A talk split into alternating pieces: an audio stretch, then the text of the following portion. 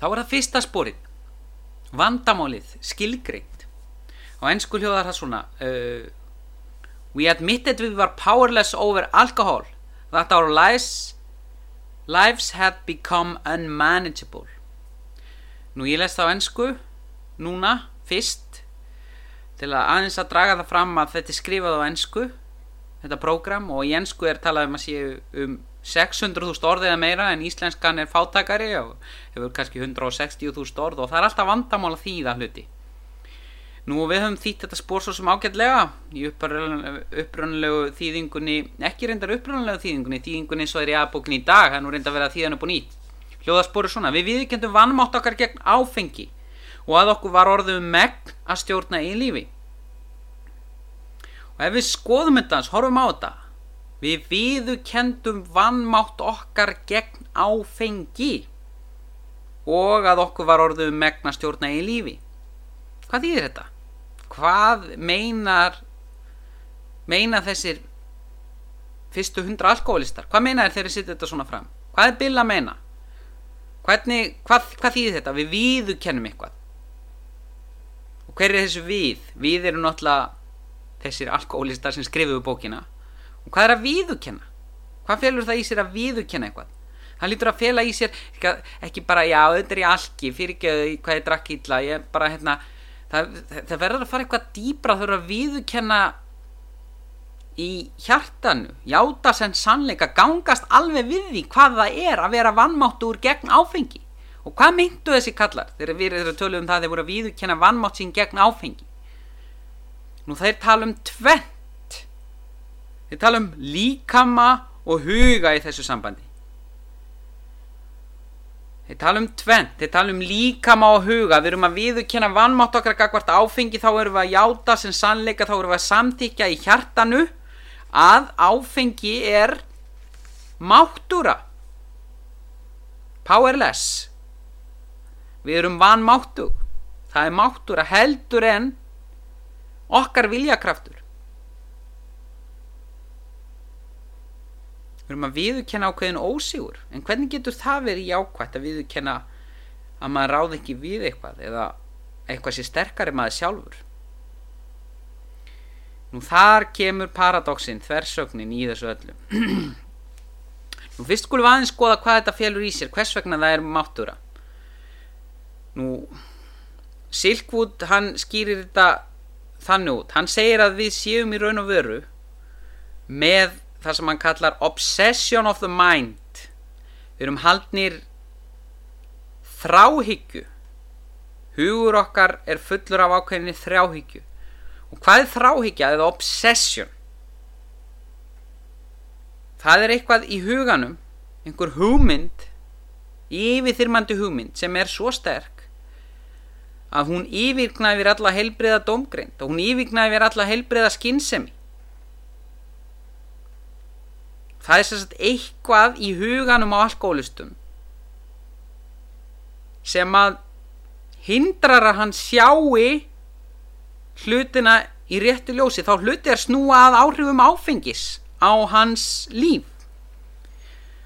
Þeir eru haldnir þessi obsession of the mind hugræðni þráhyggju. Þeir selja sér þá blekkingu að þeir getur drukkið áfengi sér að skadlaustu greina ekki sannleikan frá líin eða sannleikan frá fölsunni eins og hann kallaði það, er þessi, þetta er hugurinn.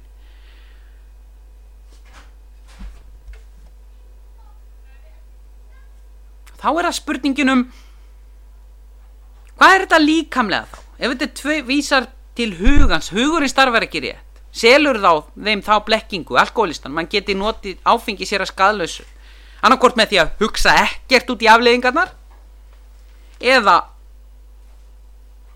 með því að blekja sig til þess að drekka. Með því að segja að þetta fari öðruvísi núna eða þeir mun ekki lendi vandraðum vegna drikkjunar en hvað er það sem gerir það verkum að þið lendi þessum vandraðum og það er líkamlegi þart parturinn. Það er þetta lífæðlisfræðilega ferli sem gerist í líkamannum þegar áfengi kemur inn í kerfið, kemur inn í líkamann, kemur inn í heilan, þá gerist eitthvað. Þá kemur, hann kallaði þetta uh, ofnæmi. Líkamlegt ofnæmi. Það er að segja að líka með alkoholistan saði Silkwood, hann bregst óeðlega við.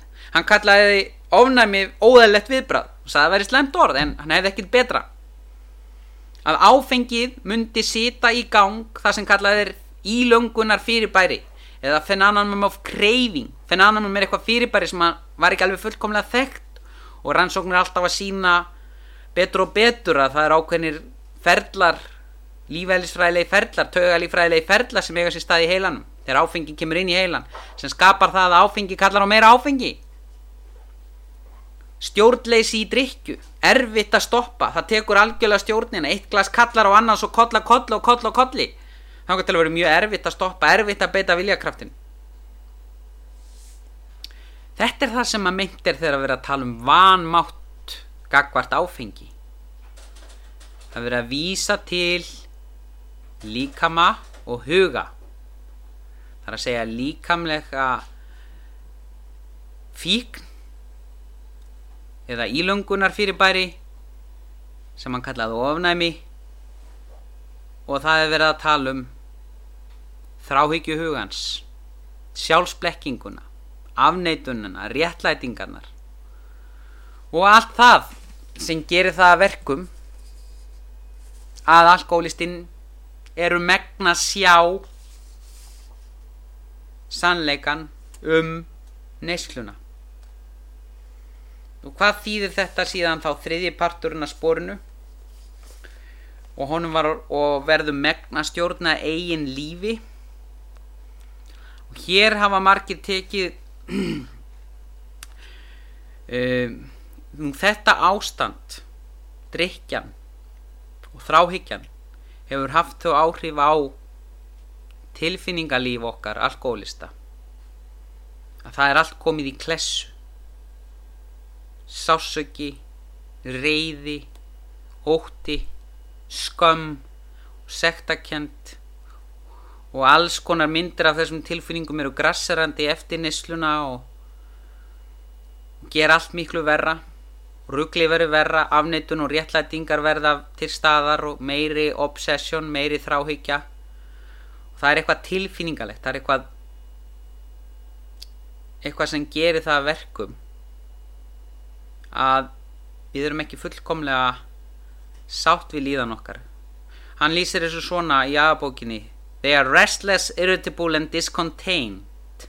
Þeir eru erðalöysir, skapstíkir og óanaðir nema þeim takist aftur að finna til þeirra róandi slökunar og þæginda sem leiðir strax að fyrstu drikkjónum þessi tilfinningalegi þáttur það er einhver, eitthvað í tilfinningunleginu upplifun okkar sem kemur fram komum betur á því síðar. Þetta stjórnleysið það er ekki verið að tala um að bara stjórnleysið megna stjórna í lífi að að, að, við getum ekki stjórna drikkjunni það snýst um fyrirpartinarsporinu drikkjan sjálf, vanmáttin gegn áfengi. Það stendur ekki en að við kjöndum vanmáttakar gegn áfengi. Og okkur var orðið megna stjórna drikkjunni það er verið að tala um líf okkar. Og hvað er það sem hindrar okkur það er allt það dót sem hefur hlaðist upp í tilfinningum okkar og vitund okkar sem að veldur því að við förum að selja okkur að við þurfum eða verðum eða getum breytt líðan okkar á tilfinningum okkur að skadlausu með því að nota áfengi eða aðra vímukjáfa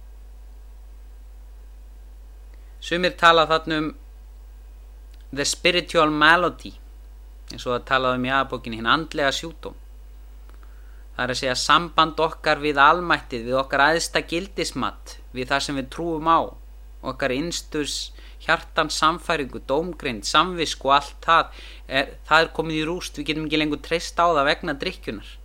Og alls konar erfiðar og sára tilfinningar eru hrannast út utanum kjarnan í okkur, þennan jákvæð og goða kjarna, sem gerir það verkum að við getum ekki tekið fyrsta glasið.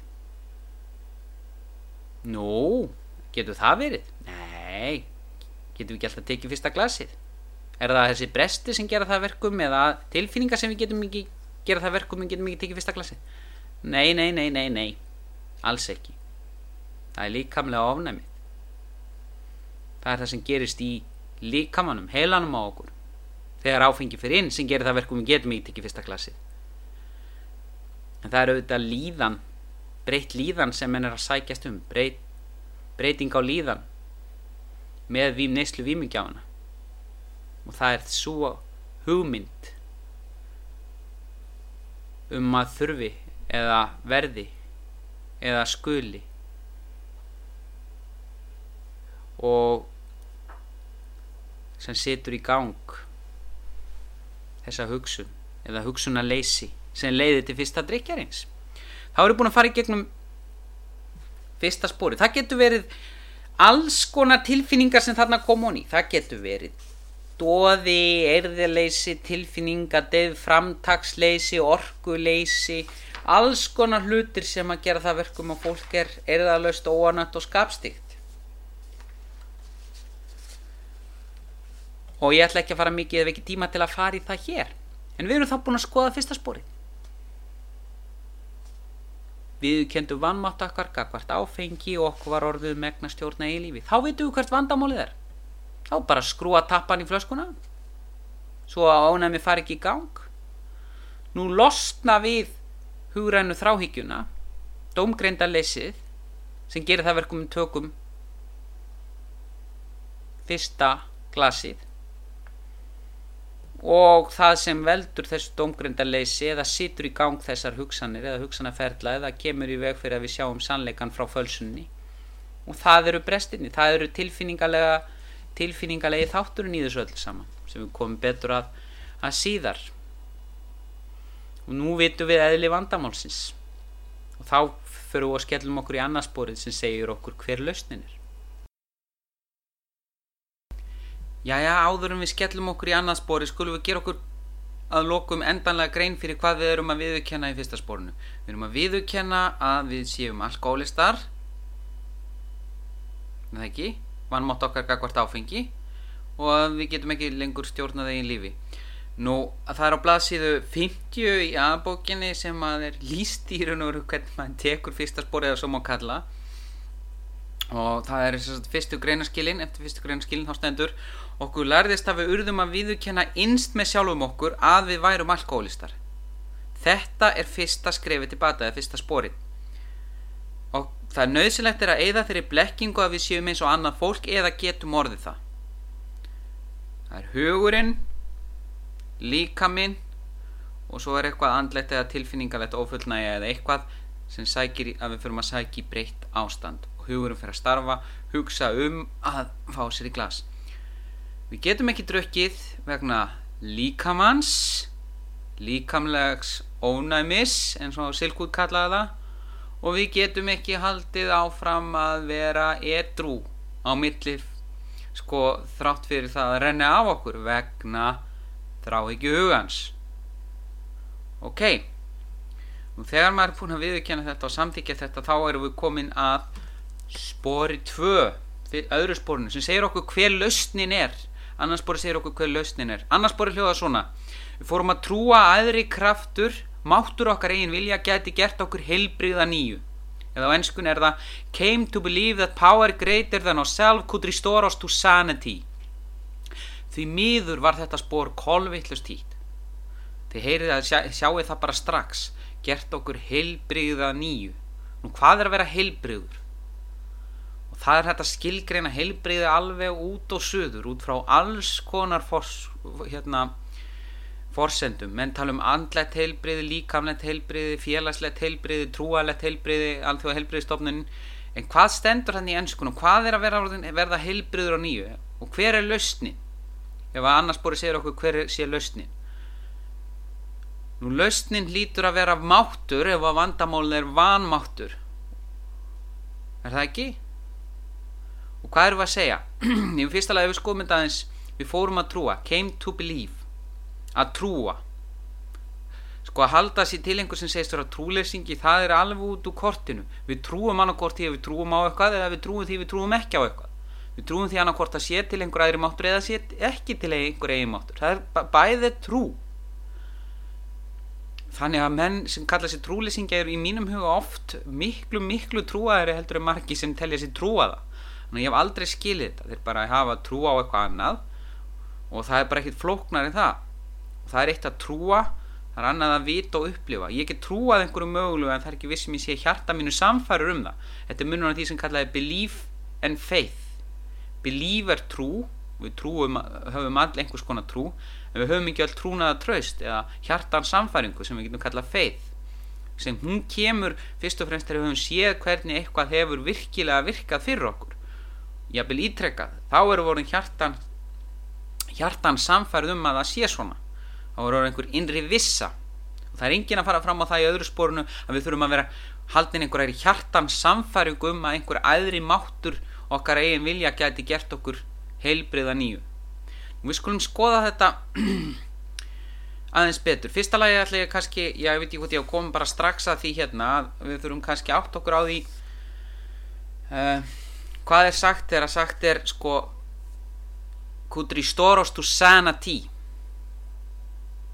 að við förum að trúa að power greater than ourselves sem sagt einhvers konar æðri kraftur eitthvað sem er máttur en mitt eigið eða góð minn eigin vilji eigin kjarni vilji uh, sem hefur ekki gagnast mér í baráttunni hinga til við bakkus geti gert mig heilbriðan á hvað? Geði to sanity hvað meinaði með því?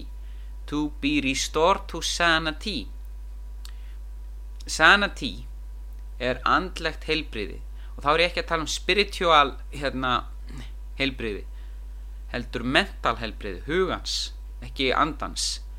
Og ef maður liggur yfir og skoðar allstaðar það sem þessi orð koma fyrir í bókinni sem er talað um insanity og sanity bæði aðbókin og sporabókinni og þá er líka mjög greinilegt hvað Bill er að meina hann er að tala um hvað? To be restored to sanity er að vera laus undan fráhyggju hugans obsession of the mind. En það stendur í tíundasporinu we have been restored to sanity. Og síðan koma lovorinn í tíundasporinu hver eru lovorinn í tíundasporinu já tíundasporslofurinn þau snúa all að domgreind okkar varðandi áfengi. Hvort við seljum okkur það að við getum notað áfengi hvort við hörfum frá eins og undan vítisloga sjálfkrafa. Þannig að við erum að tala um heilbriði á huga við erum að tala um heilbriði á geði við erum að tala um heilbriða domgrind to be restored us to sanity er að öðlast heilbriða dom, domgrind domgrind er að sjá hlutin í réttu ljósi. Hafa ekki þessa uh, sjálfsblekkingu. Afneitun, réttlætingar hugsunar leysi spinn og ruggl sem að leiði til þess að maður taki fyrsta glasi sem situr í gang röð þessara kringumstæða inn í miðtöðakerfinu að við drekkum stjórnlaus og endum í einhverju vesenni þannig að við þurfum að átt okkur á því hvað við erum að við fara að trúa. Og spurningu ekki endilega hvort við förum að trúa það er eitthvað sem kannski gerist. We came to believe. Það er ekki kannski einhver ákvörðun? Við erum búin að taka ákvörð við, við erum búin að viðukenna fyrsta spórun að við séum vannmáttu gagvart áfengi og við getum ekki stjórna í lífi. Og við eigum enga annar að kosta völ. Þá ef við verðum algjörlega að viðurkenna það að ef við eigum að geta haldið áfram þá verðum við að hafa einhvers konar trú á að einhvað máttura, sterkara, öflura heldur en við sjálf geti gert okkur heilbriða að nýju. Þar að segja að gefa okkur heilbriða domgrein til þess að þurfa ekki að taka fyrsta glasið aftur. Það er það sem þetta snýstum en þá er spurningin hvar eigum að finna þennan kraft. Hver er þessi aðri máttur? Nú það er náttúrulega eitthvað sem að hver og einn verður svo sem kannski að skilgreina fyrir sjálfansi, hvernig það ætlar að nálgast þennan kraft, hvernig það ætlar að finna þennan mátt.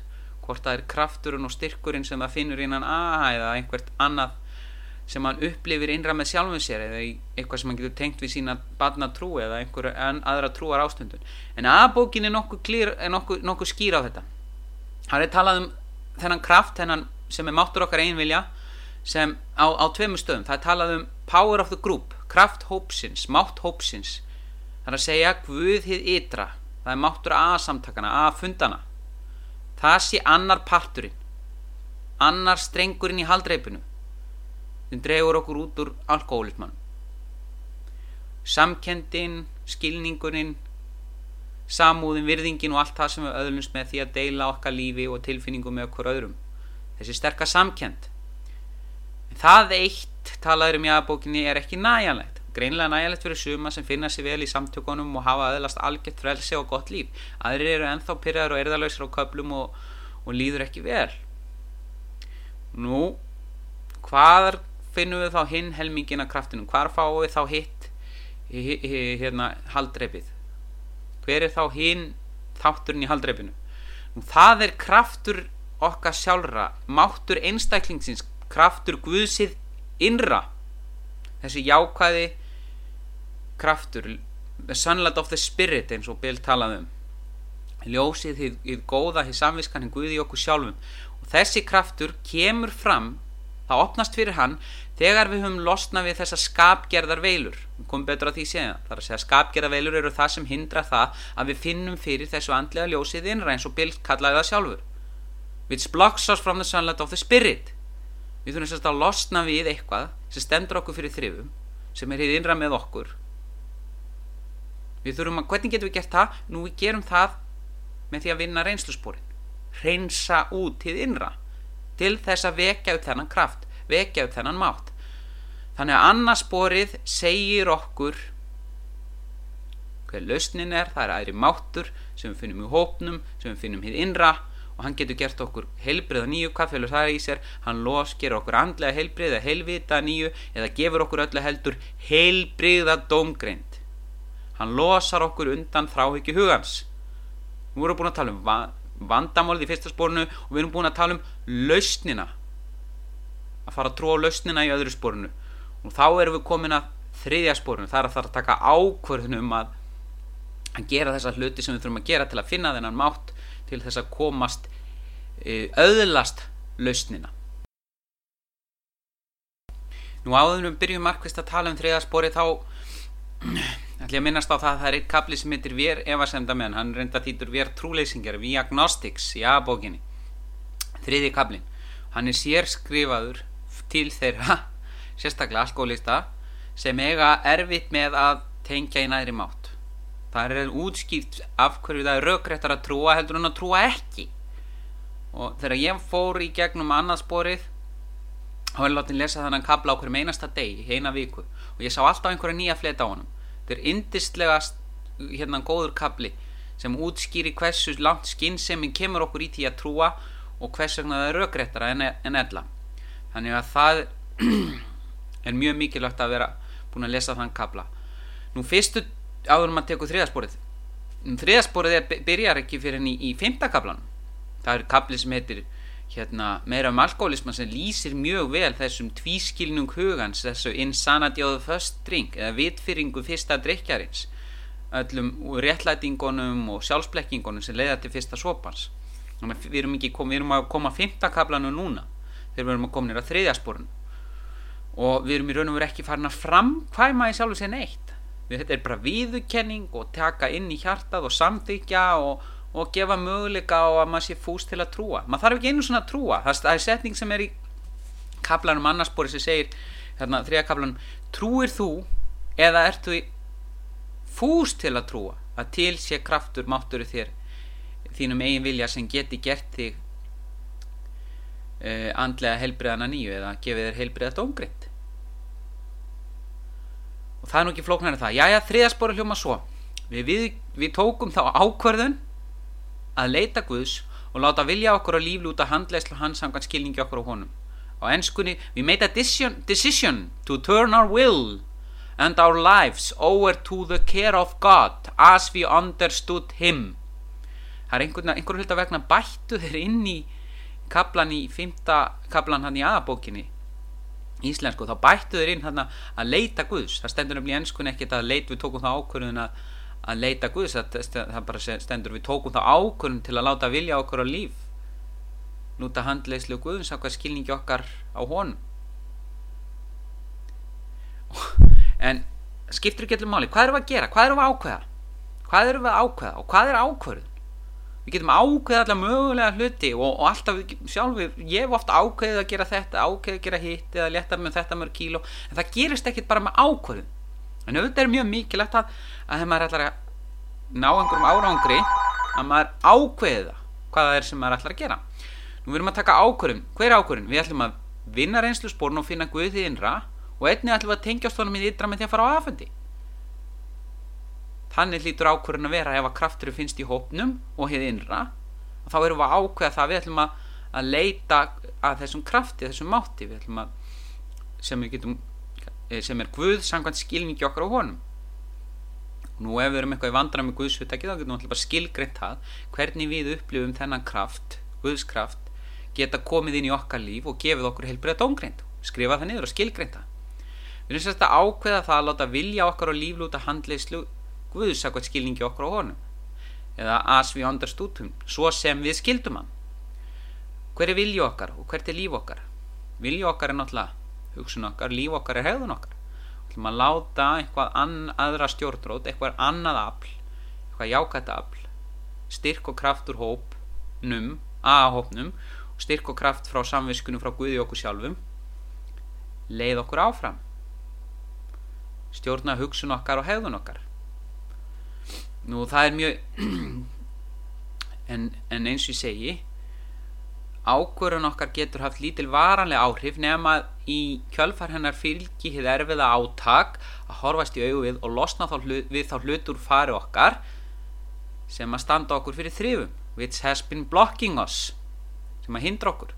Þetta er sett í aðbúkinni að við verðum að losna við skapgerðabrestina til þess að geta fundið fyrir þessum krafti hið innra. Og það er næsta spór fyrsta virka úrvinnslu spórið upprinsunar spórið það sem að virkilega þarf að fara að gera eitthvað skrifa eitthvað. Ég hef ekki þurft endilega að skrifa nokkuð skapaðan hlut fram til þessa